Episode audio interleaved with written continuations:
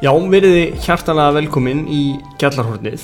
Uh, Það er ekki gestur að verja endanum hjá okkur í dag en það er hún Sigurður Andersen og hér er uh, Veronika hjá mér líka sem er uh, sérum umsjón þessa þáttar og Garðar heiti ég. Uh, Já, ég kannski bara gef boltan yfir á Veroniku. Já, hérna, við vorum að spjalla hérna aðeins fyrir podcasti og við vorum að spyrja hana, hann Sigri, sko, hvort að hún hafi haft einhverjar fyrirmyndir uh, þegar hún var að byrja í pólitíkinni og það er bara svona forunlegt að vita vegna þess að Vigdís Finnbóttóttir átti núna ammali nú á dögunum og, og hún sagði í viðtalsins að hún hafi ekki haft neina fyrirmyndi þegar hún var að hérna alast upp. Þannig að þetta er kannski svona, svona viðhorf af, af gamla skólanum, kannski, mætum við að segja. Að hafa ekki fyrirmyndir. Nei, ég uh, tók eftir því þegar Vigdís átti aðmæli að menn voru að hérna, henni til heiðurs að nefna það að hún væri mikil fyrirmynd. Og ég er svo sem gerir nú ekki ráð fyrir því að menn uh, notu hugtæki þannig að menn gerir allt uh, eins og þessar, þessar fyrirmyndir sem menn vilja hafa eða telja sig hafa í lífinu og nefna til svona hátíði stundum uh, og ég hef mitt hjó eftir því viðtal við Vigdísi. Uh, þessa dagana einmitt að hún uh, var að fyrða sig á þessum spurningum eins og ég hef alltaf gert líka. Uh, og lísti því þannig að hún hefði ekkert verið aln upp við þessa hugtakarnótkun og það sama á við um mig þótt að ég sé nú aðeins yngri en Vigdís að þá kannski notaði maður ekki þetta hugtak svona fyrirmyndi þótt að maður ætti sér alls konar uppáhalds söngvara, uppáhalds hitt og þetta og eitthvað svo leiðis að þá kannski þetta hugtak fyrirmyndir þótt að sé þetta uh, margt fólk sem maður tekur eftir sem gerir margt og mikið til fyrirmyndar. Mm -hmm. þannig kannski svona munun á því en, Einmitt, en ég er náttúrulega spenntur í þessum spurningum svona hver er þín fyrirmynd í stjórnmálum eða fyrirmynd í lífinu, ég get ekki nefnt neitt til en, en svona þegar ég fór að fylgjast með stjórnmálum þá þetta, tók ég bara eftir stjórnmálumönnum sem voru á þeim tíma uh, atkvæða miklir og uh, tilengaði mér ímsa hugmyndafræði frá mörgum mm. og þeir voru auðvitað á hægri kantinum. Strax þegar ég fór að fylgjast með politík svona 11, 11 ára, 10-11 ára. Þú náttúrulega, já, já má segja byrjar þinn kannski feril hérna í, í heimdalli. Uh, þú varst í stjórn heimdallar ekki sað Einmitt. Um, á þeim tíma þú veist var þá heldur ekkert verið að tala um svona þú veist eins og fyrirmyndir í, í stjórnmálum þú veist núna er kannski margir sem að eiga sér Þetta er svona kannski svolítið tísk, tísku Já. núna að tala um þetta en, en þarna var náttúrulega starfi rosalega upplugt og fólk kannski bara að gera alls konar sem hafa ekki verið gert áður. Alveg rétt, ég mm. gekk í heimdall bara strax því að ég hafði aldur til 15 ára gömul. Þá var haldið hérna í mann eftir því byrjanda námski, það var nú í, í tíð þáverindi formas Ólafsson Stefensen og uh, tók strax virkan þátt í starfinu. Og uh, fljótlega eftir það Uh, bara sem almennu félagsmaður ég fór ekki stjórn fyrir árið 1996 þegar uh, Elsa B. Valstóttir var mm. fyrst kjörin formar hérna, fyrst hvenna mm. og satt með henni í stjórnin eitt ár en, en uh, þannig að svona starfið mitt þegar þú heimdast einskórast alls ekki bara við þetta eitt ár sem ég satt í stjórn heimdalla, það var bara eitt ár mm. heldur starfaði ég bara sem almennu félagsmaður hérna, með mjög öflugum stjórnum heimdallar sem þá voru og og voru í alls konar svona ja, brautirindi starfi, má ég segja, kannski í svona þessari markasetningu stjórnmólana mm -hmm. og uh, þannig að menn höfðum kannski ekki voru kannski ekkert mjög mikið að líta uh, til annar, heldur voru menn að gera hlutinu oft í fyrsta sinn, sko. Mm -hmm, en á þessum tíma þetta voru mjög fyrirferða miklar miklu stjórnmálumenn á hægri kantinum uh, Erlendis Margaret Thatcher og Ronald Reagan og, og hér já. Davíð Oddsson og fleiri Mm. Þannig að eh, auðvitað hlítið það kannski að hafa markað mm. svona hugmyndafræðilega baráttu uh, hjá ungu fólki á þeim tíma á hægri vagnum. Einmitt. Og hún hefur alltaf verið svona svolítið í frjálsildari kantinum náttúrulega hjá enna unga fólkinu og þú hefur alveg haldist þar myndi ég að segja sem frjálsíkjukuna að því það Vorandi. er svo algengt sko að fólk, fólk fari svona á svona íhjald svona verið íhjald saman með aldrinum sko. Einmitt. Þannig já það eða myndir ekki alveg segja það að þú hafi haldið, haldið í frjálsíkjuna svolítið Jú, ég vona það nú, ég myndir nú kannski þetta er kannski ekki mitt að dæma um það en mér hefur nátt fundist jafnvel í málum maður verða sko aðhaldast meiri frjálsíkjum aldrinum heldur en hitt mm. en það kannski hefur ekki með aldurinn heldur að gera en það sem er hægt við þetta þegar að fólk eins og ég fer síðan í stjórnmál, uh, gerir stjórnmálumenn, tekur sæti á alþingi og tala ekki um að vera ráþeirar, að þá eru mann auðvitað ímist uh, takmörgsett. Uh, það er uh, þótt að menn, ég held að velkist enginn í vaðum það að ég hef ekki skipt um skoðanir á einu og einu, tökum rúf sem dæmi. Ah. Ég er ennþá þeirra skoðunar ríkið eða ekki að reka uh, útastöð og sjónastöð og verið fjölmilarekstri, almennt. Ég Ah, vegar já. gerir mér alveg grein fyrir því að það er ekki pólitíst uh, hérna, landslag fyrir því, minnst þú ekki að leggja rúf niður, en það er hins vegar tækifært að draga hans úr umsöfum ríkisins á fjölmjölamarkað og við eigum að stefna því. En uh, þótt að ég sé ekki á þingi að uh, syngt og heyrða að leggja fram frumvarp um það að ég að leggja niður rúf, þá þarf enginn að velkast í vafum afstöð minna í þeim efnum. Það er kannski það sem skiptir máli að þeir sem eru uh, ég minnst að mín megin í pólitík og ég hef þótti farið þá í pólitík og gerist atvinnustjórnmálumenn að þeir eh, parkir ekki sínum hugmyndum og reynir svona að- að telja fólki trúum að eitthvað annað sé, sé frábært bara því þeir sitt í ríkistjórn sem að er kannski með uh, einhver mál á dagskrá sem maður er ekki sammála. Og ég menn ég hef sett í þessari ríkistjórn þetta sem nú situr og, og er frálegt sammála uh, allir þeirri afstöðu sem þar kemur fram með þeim, þeim stefnumálum sem þær eru sett fram en maður hefur tekið, tekið þátt í því uh, Já, einmitt bara eins og með þetta fjölmjöla frumvarp, maður veit ekki alveg hver staðan er á því núna en þetta er eitthvað svona, þú veist, það átti bara að fara að keira það í gegn að hérna, gera enga breytingar á fyrirkomulagi rúf en síðan ma maður svona, manni fannst það alveg skjóta skökku við með að við, þú veist, að við erum hérna, þú veist, að við erum í ríkistjórn og við varum að leggja slíkt fram og leggja, leggja fram að það ætti bara, þú veist, að hérna setja bara fleiri fjölmila á spenan bara. nákvæmlega. Þannig, auðvitað. Og það uh, vita það allir að þínflokku sjálfstæðarflokksins hefur staðið gegn því, uh, því frumarpi uh, sem miðar að því bara að gera alla fjölmila að ríkisregnum uh, Einmitt. án þess þó nokkuð að draga úr, úr uh, hlutverki rúf og þetta auðvitað uh, stanga svolítið á þessi málflutningu þeirra sem að styðja þetta mál vegna þess að, og nú tala um menn um til dæmis að í þessu árferði sem nú er þessu fordamalösu ástandi sem að COVID-verin hefur skapað, þá skiptir máli að hafa sterka fjölmil og svona, að þá spyr maður að býtu, en er ekki rúf til þess? Er það Já. ekki eh, hlutverk þá þessar ríkisfjölmiðis að, að tryggja það? Þarf að, þarf að setja alla fjölmila í það hlutverk. Uh, þannig að, að uh, frumarpið stóra um, það hefur þetta stoppað uh, vegna anstöðu þingflokk sjálfstæðarflokksins uh, og menn hafa verið að svona, skoða það, hugsa það hvort að heppilegst sé að taka rúf af fjölmilamarkaði eða ekki. Uh, og, það, ef menn, mar, mjög margir vilja taka rúf af fjölmilamark mark, að markaði. Uh, þá geld ég hins vegar varhug við því að, að rúf verði eins og menn kalla þá eftir bætt það tekjutap upp með því að, að auka fjárframlög á fjárlögum til rúf. já, Uh, þú veist, þá, þá, þá er það í rauninni engin breyting og samkeppnisstaðan er jafn skökk að þetta enga fjölmjölum. já, já, einmitt, það er en- ennþá þetta miljardar fórskott. Nú, svo náttúrulega hefur lengi náttúrulega verið gaggrínt það að, að, hérna, að rúsi náttúrulega á auglýsingamarka og sé að stela eða veist, taka auglýsingar mikilvæga tekjur frá enga aðlum. Já, já. Nú, Lilja talaði um það að hún væri ekki sammála því og fyndist að rúf ætti að vera á auglýsingamarkaði. um, hefur þetta sínt uh, í sér tekjutap fyrir engareknum fjölmiðluna að rúf sé á auglýsingamarkaði? Er þetta ekki, dreifist þetta ekki svolítið bara svona yfir? Nei, ég held að það sé- alveg ljóst að rúf er að taka af enga, Já. enga aðlum á fjölmjölamarkaði, menn hafa sérstaklega greint það í kringum svona stóra viðburði síðan eins og eins og uh, fótboltamótin stóru Já. og svoleiði sko Já, að þá hafa bara allir lagst á, allir auglýsendur hafa bara sett allt sitt á þessa viðburði og þar alveg ekki haft neitt eftir fyrir hinn að fjölmiðlana. Uh, En þetta er auðvitað svona spurning, ég hef sjálf, sjálf ekki verið einhver mm, sko mjög heiti því eða öll barátumar þess að rúf endilega fari að fjölmiðlamarkaði Nei, nei. per. Þessi, ég skil auðvitað það sjóna með að fjölmiðlar, neða auglýsendur vilja auglýsa það sem að þeir halda fólki sé að hlusta. Ég held að það fari nú að breytast mjög mikið uh, með þessum nýju miðlum að menn eru ekki eins mikið í þessar línulegu dagskrá. Hitt er hann að mála það er auðvitað bara bútasöymur sko, að hérna, taka rúf af fjölmiðlamarkaði, tala nú ekki um ef það ætti að sína bæta rúf upp sömu fjárhæð af fjárlögum.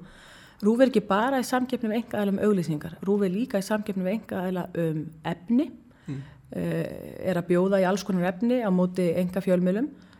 Rúf er í samkeppnu auðvitað við aðra engar egna fjölmjöla um tíma fólks. Það segir sjálf og sjótt, fólk horfir ekki, það er bara 24 tímar í sólarhingnum mm -hmm. og þar fram til gödunum. Þannig að það læknar ekki ástandið þegar að grundvallar uh, spurningunni eða spursmálinu eða vandamálin þegar grundvallar vandamálinu er ekki ekki sitt sem er ja. það að ríkið sé í fjölmjölarekstri Nú, svo er náttúrulega annað sem ég tók eftir þegar ég var að hérna, var á heimasíður Rúf einhvern tíman og, og hérna og sá sem sagt að Rúf heldur út í sem sagt svona græjulegu. Þannig að þeir leiðjút græjuna sínar.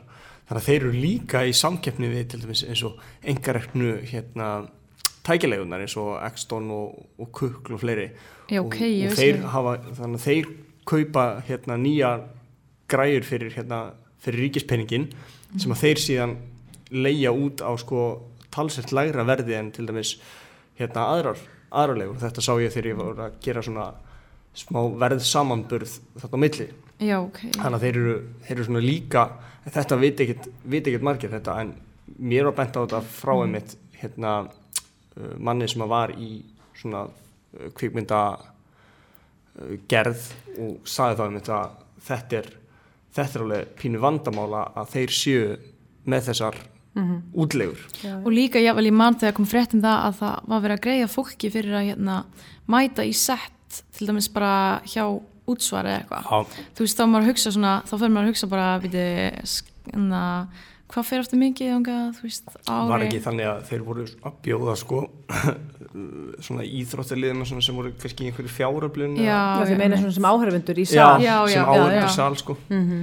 þannig en þá er einhvern veginn ríki farið að styrkja íþróttafjölu mm -hmm. með óbyrjum hætti eitthvað í kemnum já. Þetta er svona vekur upp marga spurningar einmitt en já, Hérna, Grundarna spurningin er alltaf á ríkið að standa í fjölmjölarækstri, það er bara spurningin sko. en útfæslan á því, menn geta tapa sér í alls konar útfæslum og, sem engum áli skipta eh, sko, til lengri tíma lítis það þarf að ráðast að þessu á ríkið að vera í fjölmjölarækstri og hversu umfangsmikill á svo fjölmjölarækstur að vera.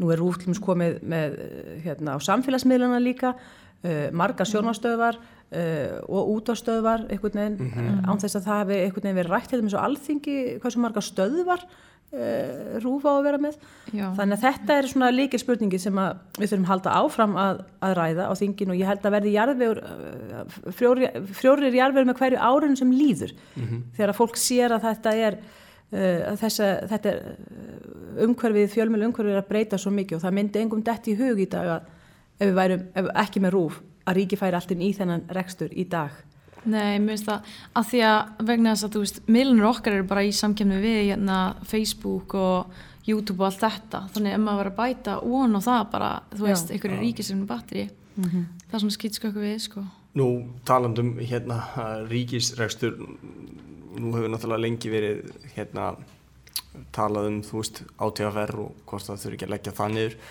er stoppar það veist, það sem ég velti fyrir mér okkur af hverju þetta, þetta hefur lengi verið rætt um að þú veist að fara að leifa engasölu á, á áfengi en, en þetta stoppar samt alltaf. Mm -hmm. uh, og það sem ég skil ekki er að af hverju hérna, það er eitt að hérna, hvort að ég setja þetta í maturverslanir en eitt er bara að leifa, leifa sölu bara almennt að þú getur bara hérna opnað Alveg þína vinnbúð eða fluttin þitt vín og, og, og sel.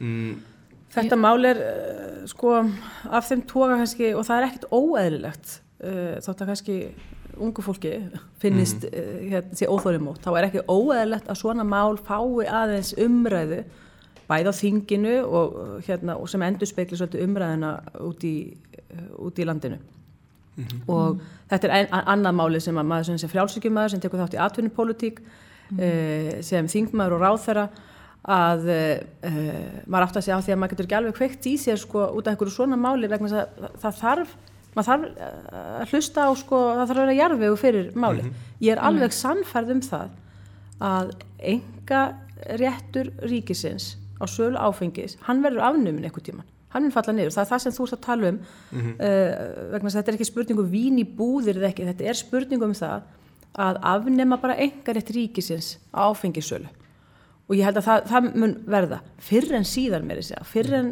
hérna, menn halda kannski svona í ljósu umræðunar uh, undanfarið. Uh, uh, þetta hefur og maður skinnir það bara þinginu líka það er, ég held að sé það, það fer nú að verða meiri hluti fyrir þessu sjónamiði af því að menn Já. sjá líka þetta síðan eru bara um, þetta er að breytast uh, eins og margóttur eru bent á og fólk getur keift sér vín uh, erlendis og komið heim og, og uh, ríkið sjálft, það standast ekki þessi, þessi líðhelsu sjónamið í rauninni vegna þess að ríkið sjálft hefur verið svo mikið að auglýsa áfengisvestlandar sínar Já, og bæta já. aðgengi sko, þannig að þetta stangast allt saman á og uh, uh, þetta er svona bara eðlegt skref í verslunarfrelsi Íslendinga. Já, kannski bara ágætt að þú veist við tökum kannski bara fyrst lítið skref og síðan bara látum þetta svona Já, lítið, ég held reyndar sko þessi frumur sem hafa verið að koma fram þau eru svolítið samanmarki brend og rúf málið, eh, hérna rúf af auglýsingamarkaðið ekki auglýsingamarkaðið bútasömmur þau hafa líka verið svolítið flókin þú veist, vín, másælega vín í búðum sem ekki eru eh, hérna, sem eru meira en, eða ekki meira en svo sem ekki rúmmetrar eða eitthvað. Ég hef stundu sko þurft að setja mig eða svolítið tími að átta mig á bara út af hvað þessi frumörp hafa gengið. Þetta eru, Já. frumörp hafa verið lögð fram í áratug sko Já, aðlum uh, ég held kannski með einmitt að menn þurfi aðeins að einfalda bara málin. Já bara ganga allar leið í prófa, þetta, prófa þetta bara frumvarpum afnám engasölu, ríki getur áfram verið með þessar veslanir, en leifa öðrum að fara að selja líka uh, hérna áfengi. Létt áfengi kannski eða eitthvað svo leist til að byrja með eitthvað svo leist, ég, meni, ég held að sé ekki heldur svo hafa menn svo, svo hafa menn svo mikla eða litla trú stundum á markanum ég held til dæmis að þeir sem eru svona góð templarvetnir svona hafa áhugjur að þetta komist inn í alla búðir. Ég er ekkert viss um það, ég er ekki eins og viss um að, að uh, margar búðir myndu hafa áhuga á að selja áfengi. Nei, nei. ég held að sé ekki sé þannig að menn sé að býða eftir að fá að selja áfengi. Uh, einhverja búðir getur gert að veslanir út á landi sem er að berjast í bökkum og litli kaupmann á hotninu geti, geti gert það til þess að eiga eitthvað von til þess að lifa uh, í þessari samkeppni við stóru búðunar ég er ekki eins og vissum að þessar stóru búðir mynd, hefði áhuga á því að, að fara að selja áfengi mér finnst ekki stert áfengi. En uh, uh, ég er alveg sannfærðum að það verð að, þessi enganettur ríkisins og sölu áfengis hann mun falla niður. Það verður, það, það er óhjákvæmilegt. Þannig að við munum bara að muna eftir þessu og þetta upp þegar, þegar það gerist. I told you so Um, mitt sko Hvernig svona hefur þið litist á þessa efnagspakka sem að ríkistjórnin hefur ekki nú og þennan sem að hún til dæmis kynnti í gær? Ég hjóa hans líka til dæmis eftir því að þeir fóru að vilja auka við listamannarlegin Mhm. og svona ég er alltaf þessi sjálfstæðismæður og fleiri svona hafa sett spurningamerki við það hvort að það sé endilega það sem er mikilvægast Já. í þessum aðgerðum er, þessar aðgerðir eru svo sem bara mjög svipar og er, er að hérna uh, og það er aðgerðir sem er verið að grípa til í uh, flestum, eða mörgum löndum hústi, í kringum okkur í Evrópu og í Bandaríkjánum. Það gerir þær ekki betri fyrir vikið uh, en uh, þetta er auðvitað vandi sem stjórnmálumenn auðvitað standa fram með fyrir í svona aðstæðum, það sem allir kalla uh, á e eitthvað skonar aðgerðir. Uh, nú stöndum við Ísland, Íslandingar kannski ákveð, vel já, ákveðnuleiti hvað var að skuldastöðu ríkisjóðs og eins og menn hafa verið að nefna möguleika Sælabankans til þess að aðeins að liðka til uh, fjár, á, á fjármálamörkóðunum uh, en við stöndum kannski ver heldur mörkóðunum ríki af því við erum eiga og við eigum mjög mikið undir samskiptu við önnur lönd mm. þess vegna hef ég svo sem lagt lagt á það áherslu að við eigum að gera allt hvað við getum til þess að koma hérna og aflita höftum uh, eins fljótt og hægt er og við erum nú að fara að taka stór skref núna 4. mæ uh, ég hefði viljað sjá þau aðeins stærri skref en ég hef vonur um eða ég minnst ósti myndi kalla eftir því að það erðu fleiri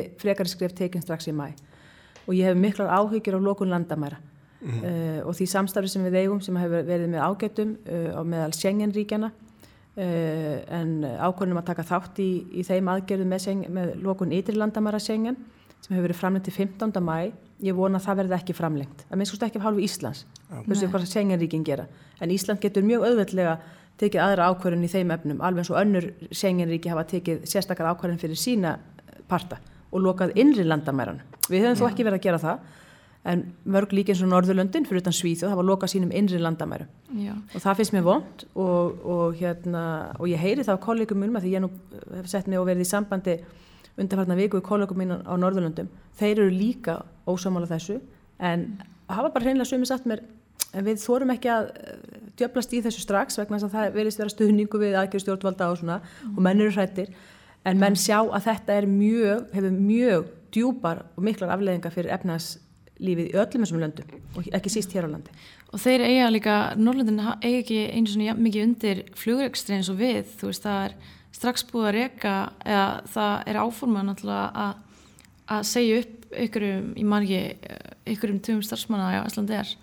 Já, já, já, þeir eru náttúrulega bara fækka alveg, alveg gífulega starfsmunum hjá ætlandur og náttúrulega er... Það er svo sem líka hjá SAS. Og það er líka, já, já. já það er svo sem allstaðar, en, en þeir hafa, sko þessi Norrlundan hafa verið að gera að loka þessum, jafnvel, mm -hmm. sko land til landamærunum sínum mm -hmm. sem er náttúrulega mjög furðulegt vegna þess að landamæri Noregs, Svíþjóðar og, og Finnlands fólk býr sér ykkur með yfir landamærin og fólk þarf að fara í sóttkví eða fara yfir landamæri Já. þetta hefur nú reynilega ekki gengið upp allstarf þar sem að menn hafa verið að vinna sinna mikilvægum störum í Svíþjóð, búandi í Finnlandi kannski Já, það er kannski þannig að, að, að, þetta, þannig að þetta er eitt sem að menn verð ekki gleyma þegar menn tala um efnagsaðgerðir stjórnvalda, þá er þetta stór hluti af efnagsaðgerðanum sko. við megum ekki láta uh, hérna og ég óttast það að í sömum tilvillum og sömum mörgum löndum þá séu menn að grípa til aðgerða gegn veirunni uh, sem er miklu verri heldur en veiran sjálf hvað afleggingarna varða já.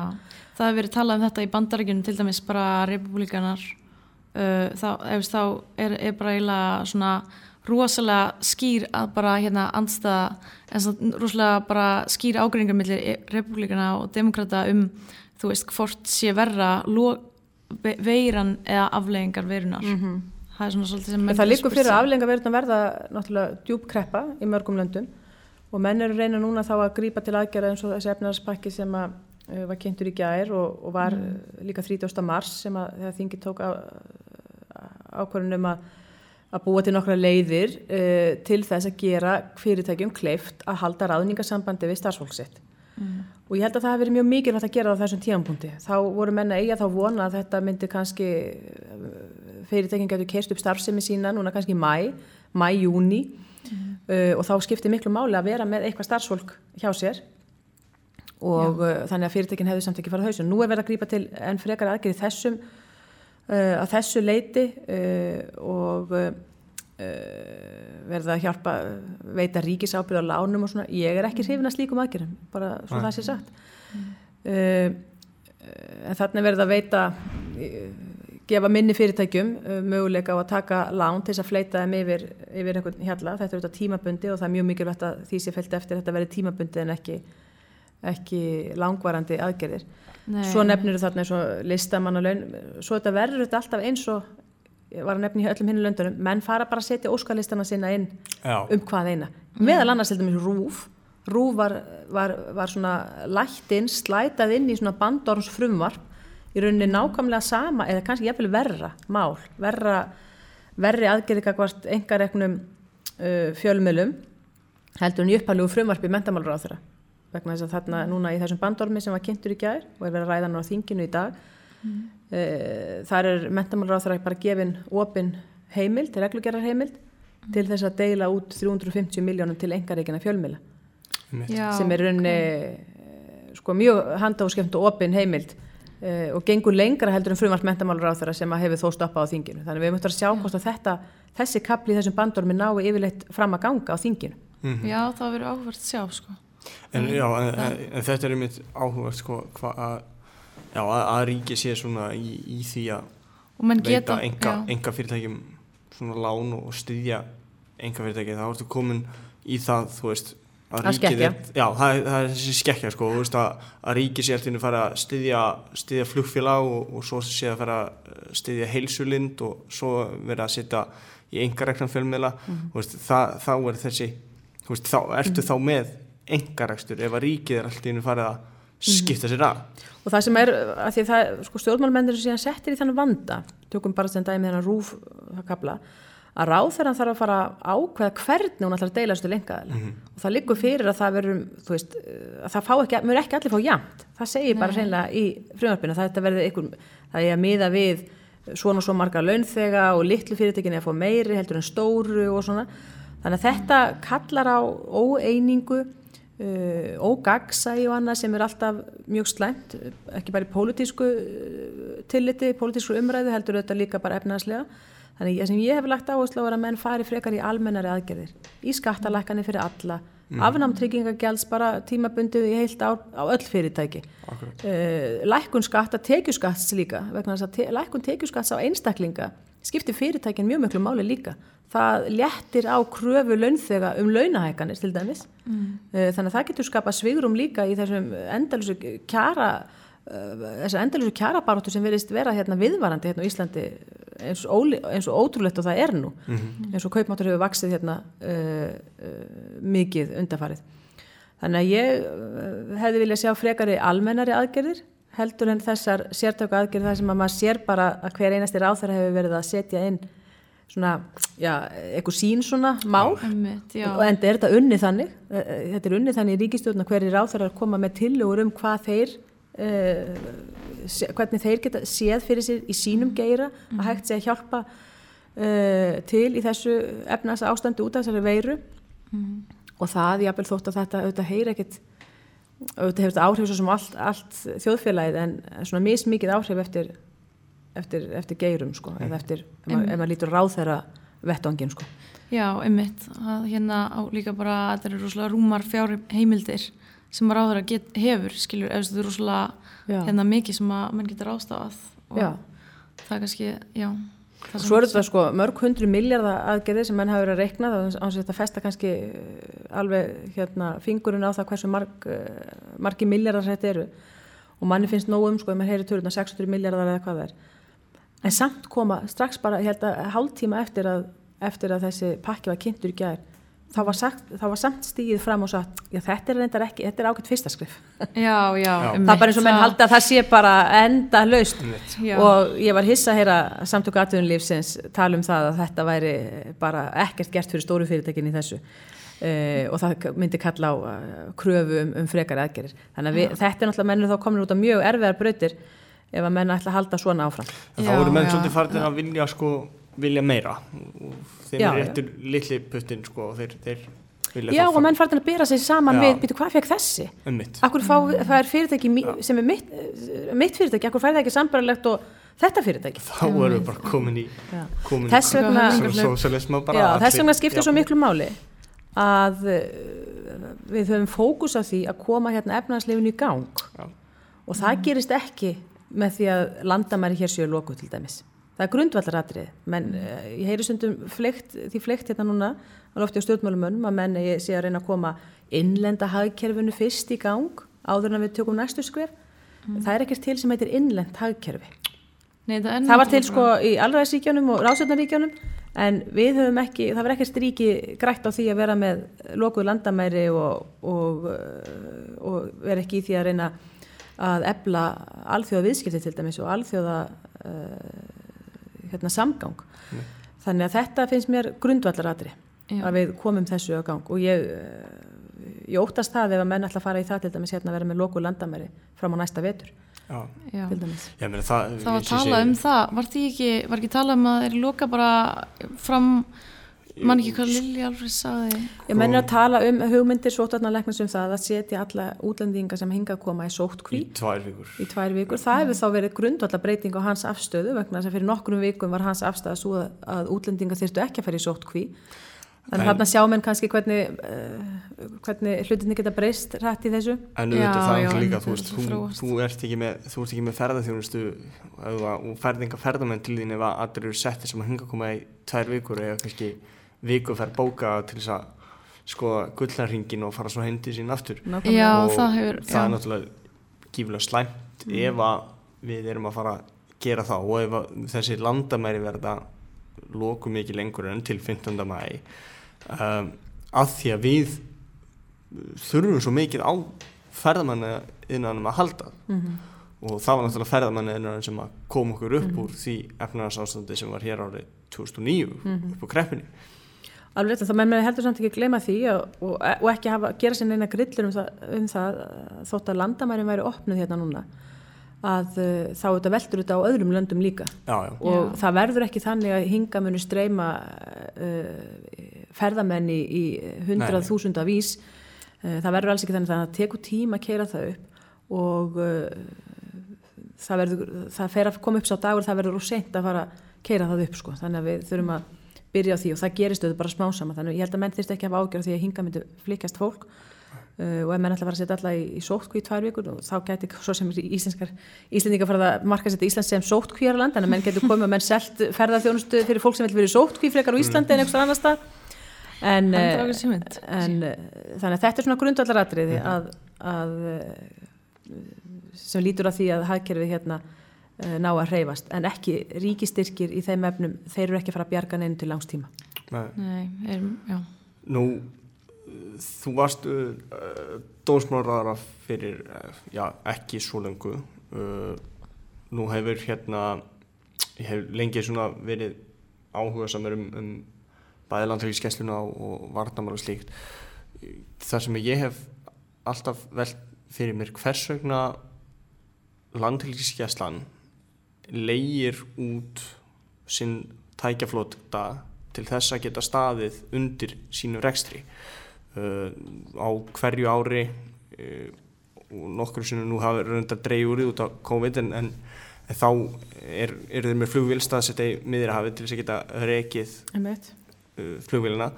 Á sama tíma núna talar heilbreyðisráður um að uh, setja sjúkraþyrlu á Suðurland sem á að vera rekin fyrir 700 miljónur ári. Uh, og sama tíma er landvíkisgeslan að leia sinn tækjaflóta út af því þeir get ekki fengið fjárlug frá, frá alþingi. Er þetta hefur aldrei komið þú veist til talsa veist, er þetta er kannski ekki, ekki alveg það sem við þurfum að forgansra best að setja kannski frekar þessar 700 miljónur inn í okkar innvið í staðins að vera að fara að kaupa þjónustu erlendis frá.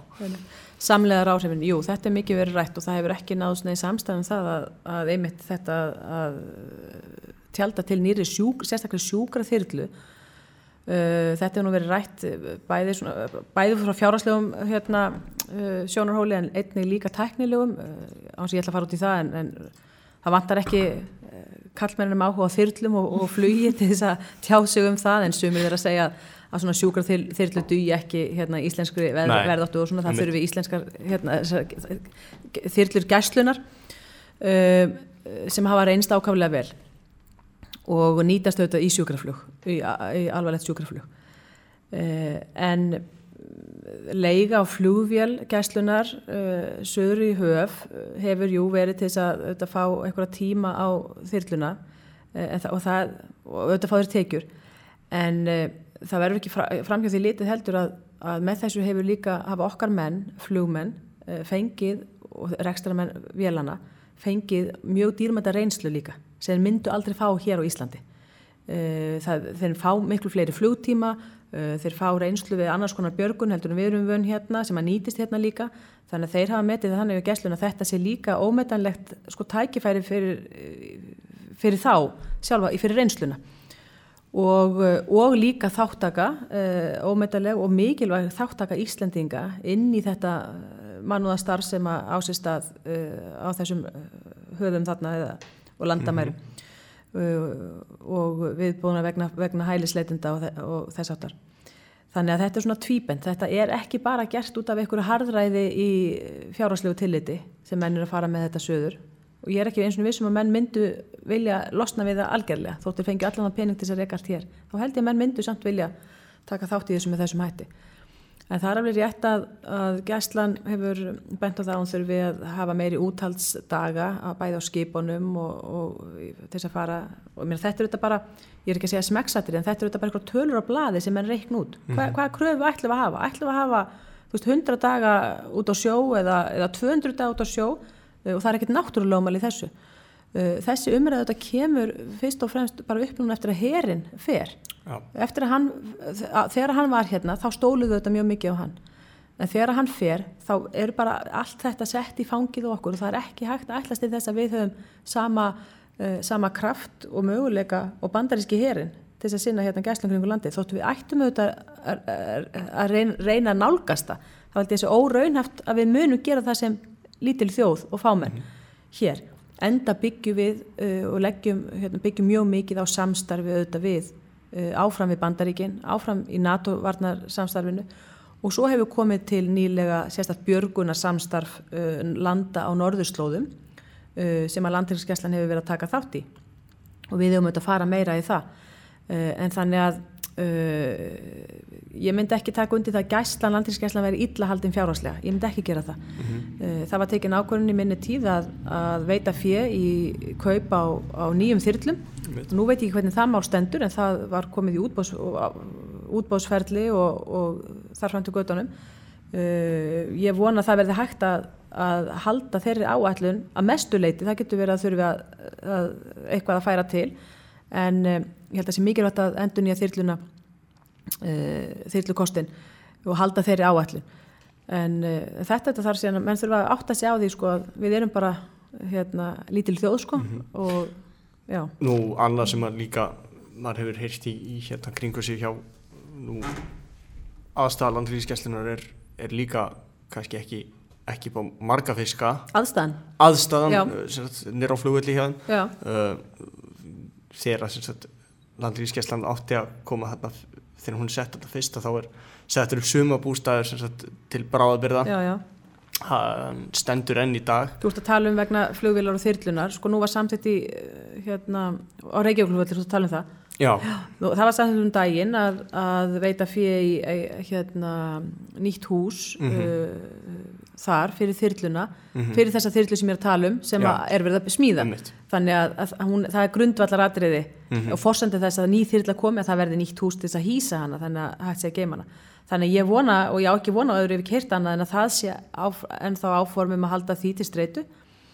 Uh, nú landhelgisgæslan hefur síðan verið með ég veist að fólk átta sér ekki alveg á því umfangi landhelgisgæslan og störfum hennar uh, á keflaugulugulli í tengslu við varnasamstarfið En þar er landhelgisgæslan auðvitað með mjög mikla starfsemi á gamlu varnasvæðanum og uh, uh, þannig að uh, hún er náttúrulega orðin mjög hérna, umsöða mikil landhelgisgæslan. Mm -hmm. og uh, er nú bara frólægt fyrir að bli ungt fólk að, að fá að heyra þau tækja ekkert um að viðtal við á við á hérna, ja. það er mjög áhugaverð starf sem fær fram í Keflavík.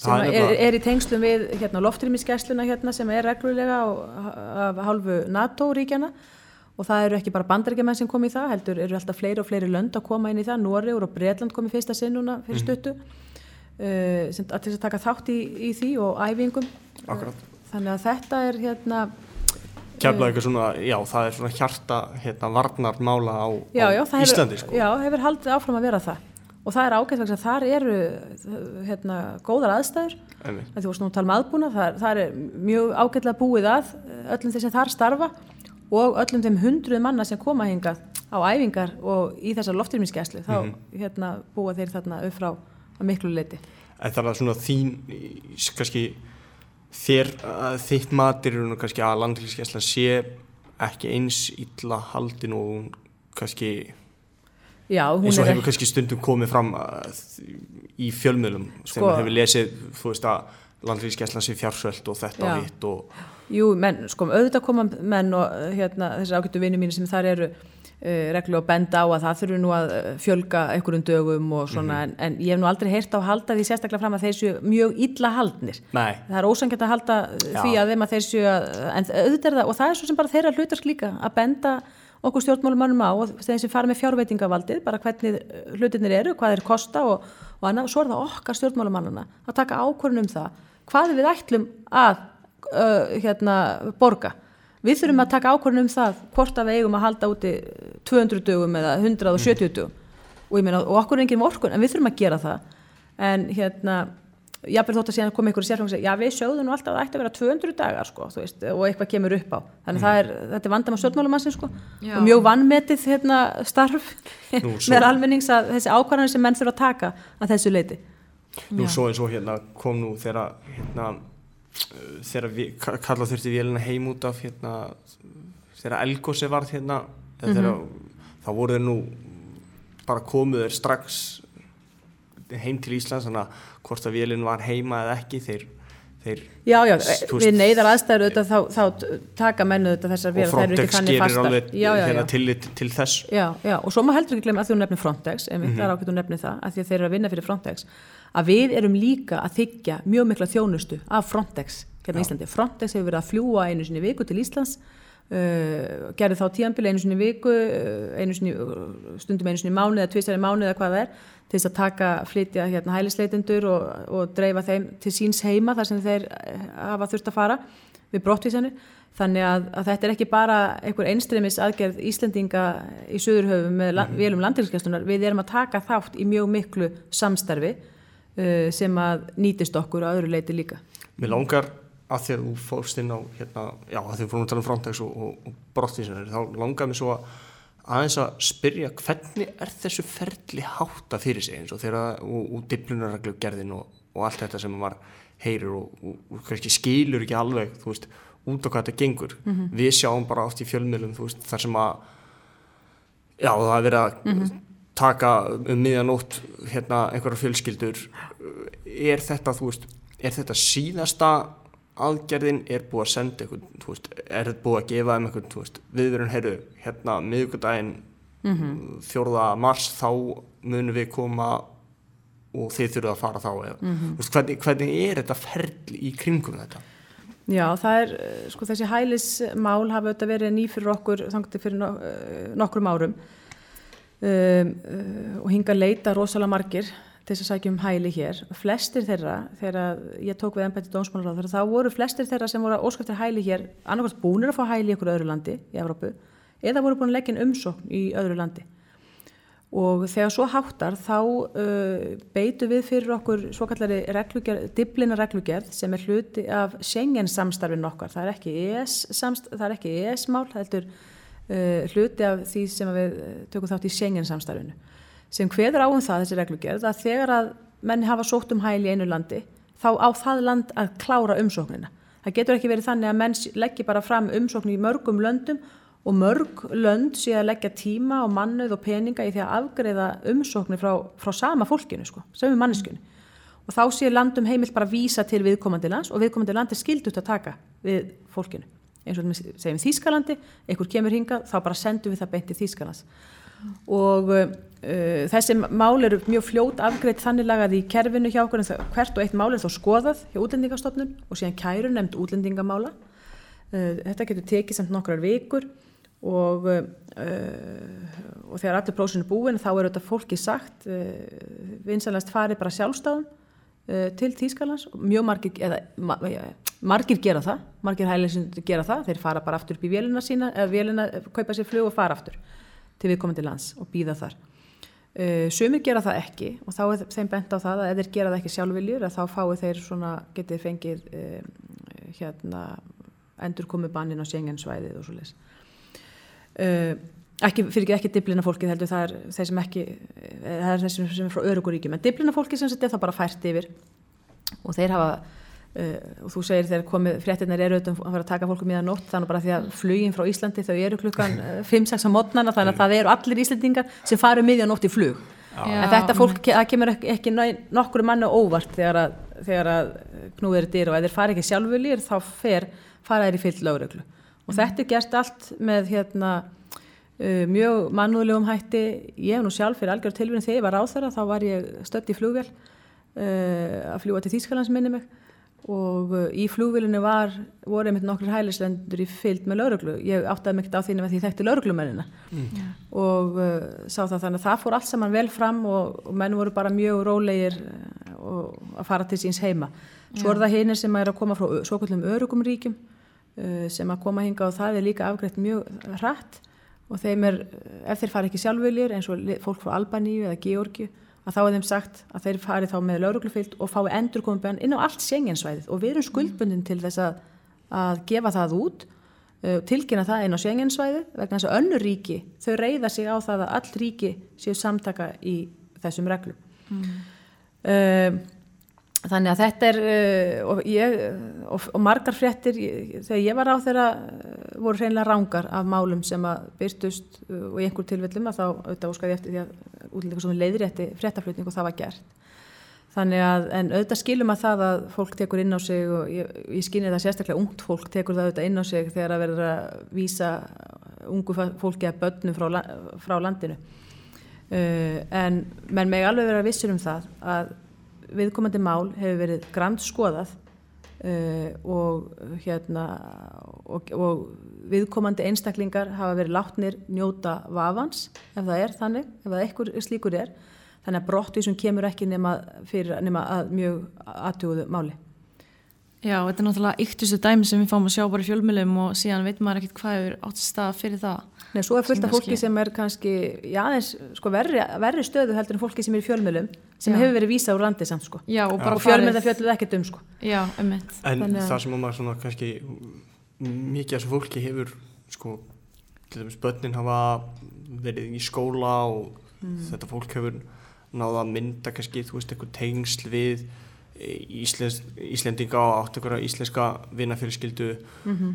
er hérna Sko þegar þú fer til útlanda og ert kannski nokkra mánuði, þú eignast einhverja vini og tengsl en áttu þá eitthvað rétt á því samt sem áður að, að fá þar hæli með öllum þeim réttindum uh, sem því fylgi og nei, Þannig að veist, já. menn hafa verið hérna kannski oft þá í þessari stöðu af því að þeir hafa ekki upplýst um það hefur dreyist að afgreða máli vegna að menn hafa mhm. ekki upplýst rétt um sína hægi, ekki framvisa skilríkjum uh, til dæmis, þannig að það hefur þurft að leggjast í mikla vinnu, rannsóknarvinnu til þess að finna út hver viðkomandi er. Og það er gert, það er gert með, með tólkaþjónustu, uh, reynd að grafast fyrir um uh, ofinbergögn og annað um viðkomandi, þannig að menn hafa oft, að, þá er það yfirleitt þannig að það hefur dreyist uh, óheirilega lengi að afgreða mál, þá er það lang oftast það eru eitthvað tilvill þar sem að heyrir upp útlendingastofnum sem, hef ekki, sem hefur gert mistök og þeir hafa viðkjönd það þetta hafi tekið langan tíma hjá þeim út af einhverju allt öðru, kannski glemst eða eitthvað, mm.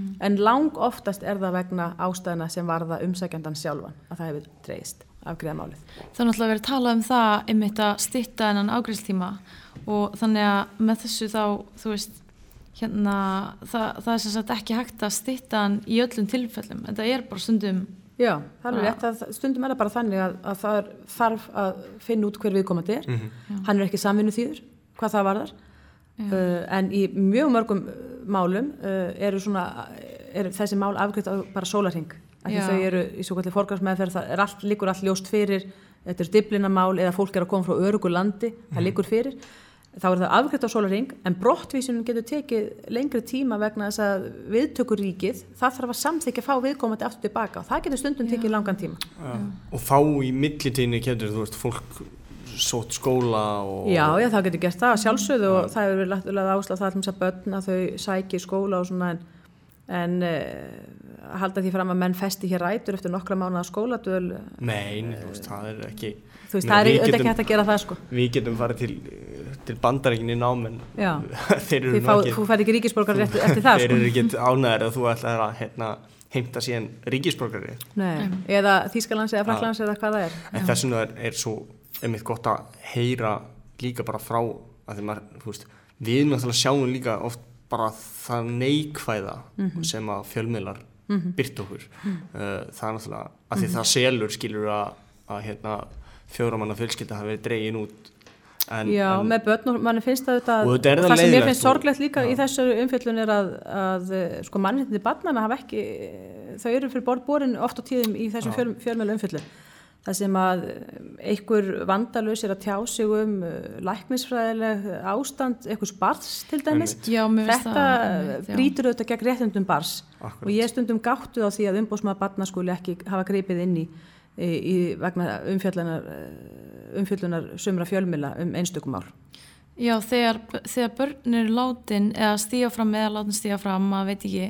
Látin bera ábyrðina sko, já, já, já. á afgræslu málsins og umfjöldin fjölmila. Já. Og eins og ég segi, verður upplýsað um að einhver eh, sé stattur á okkur eða geðdelt og hérna. Já, ég um tók eftir, mér fannst það svolítið sérstaklega því að þú ert með ólögra einstakling og fjölmila og þetta verður alltaf á netinu náttúrulega, þú veist það er náttúrulega já, svona, svolítið sérstakt að, að menn séu farinir að tjá sig um, um læknis, líka bara hjá fólki, ég minna læknis, allt sem að tengist einhverju svona læknistengdu á að vera prívat og persónlegt, sko, ekki. Já, Svo er hinn aðilin á, ef maður segja aðilin sko, svo eru stjórnvöld sem er hinnum með, þau eru sem sagt bundið trúna og get ekki, ekki svarað fyrir. Meni, Já, ymmit, af því að þau þurfa náttúrulega að fylgja lögunum en síðan þetta Ha. verið losalega bara þess með fóldra og fjölmiðl bara eitthvað. En, en Dyflinarreglugerinn er þá um flóttamenn, eh, er það ekki? Nei, Dyflinargerðin, hún lítur að þessast afgreðslu hælisumsókna. Við erum núna bara að tala um hælisleitendur. er Svo eru flóttamennir og það er auðvitað uh, sá þáttur sem við eigum að leggja ríkari áherslu á. Það er Já. að segja flóttamanna einmitt, sem er skipulögð, vel undirbúin, uh, gerði í samráði við alþjóða hérna, stopnanir í þessum efnum sem, sem þeir benda á að reyna að finna fyrir heppilega flóttamenn til Íslands og, og, hvar, og finna fólk sem er í brínustu neyðinni. Uh, og við höfum verið að taka kannski bara svona 50 til 80 manns á ári, svona meðaltali uh, undarfærin ár en hælisleitundinir, þeir sem koma hingað uh, bara á sjálfstáðum við höfum verið að veita hátt í sko, 100-200 manns á ári hæli hér. Mhm, uh, og þetta er, fólk, þetta er ekki endilega fólki í brínustu neðinni, Nei, alls ekki sko. Nei, nei, og meðan það, það dregur auðvitað úr möguleikum okkar á að taka við flóttamönnum. Einmitt, fólki sem er í alveg Já, neyð, já, vegna þess að það þarf að finna húsnæði fyrir þetta fólk og þegar fólk er búið að fá hæli hér það á það í sjálfur sér að fá sömu stöðu og flóttamennir já, þeir eru að fara, það tekið svona utan um þau og sveitafélagin eiga að sjá um þau og þá að redda um húsnæði ykkur tíma og finna, finna vinnu og svona. Og uh, þetta auðvitað með því að taka fleiri svoleist og þá verður þetta ekki jafn mikið gert á, á hinum kantinu og svo er því miður líka ekki allir hælisleitendur sem að koma að hinga fjölskylda á heldur sem Já, að já. bara ætlar að veist, koma og sækja ná heldur eru við líka að fá inn hælisleitendur sem að kannski eru byrði á okkur Já, við erum að fá alls konar og jafnvel meiri til varnar hælisleitindur Já, sko, að þá eru mjög margir af þeim hælisleitindum sem hinga koma og leggja fram hæli hér þeir ætlu sér aldrei koma til Íslands. Nei, nei, þeir voru kannski á leiðin til Bandaríkjana eða Kanada, voru stoppar í Keflavík og uh, í stað þess bara að fara tilbaka eða uh, hérna, þá bara setja, leggja þeim hæli hér. Leggja fram hæli, umsögnum hæli hér. Fá oft hæli og þegar menn eru búinir að fá hæli þá oft fara menn og fljótt frá Íslandi. En uh, uh, þannig að þetta er uh, margslungið. Já, ymmit. þetta er, þetta er já, þetta er, þetta er flókið flókið og margslungi það þarf að afgræða þessi málu auðvitað með mannúð og mildi en það þarf líka ákveðna reglu og, og, hérna, og raunsægi líka uh, vegna þess að uh, það er engum greiði gerður uh, með því að, að veita hér öllum sem hinga að koma hæli sko, og, og, en, en við höfum ekki ból, bólmægt til þess. Við erum búin að fara um viðan völl, Já, er það ekki?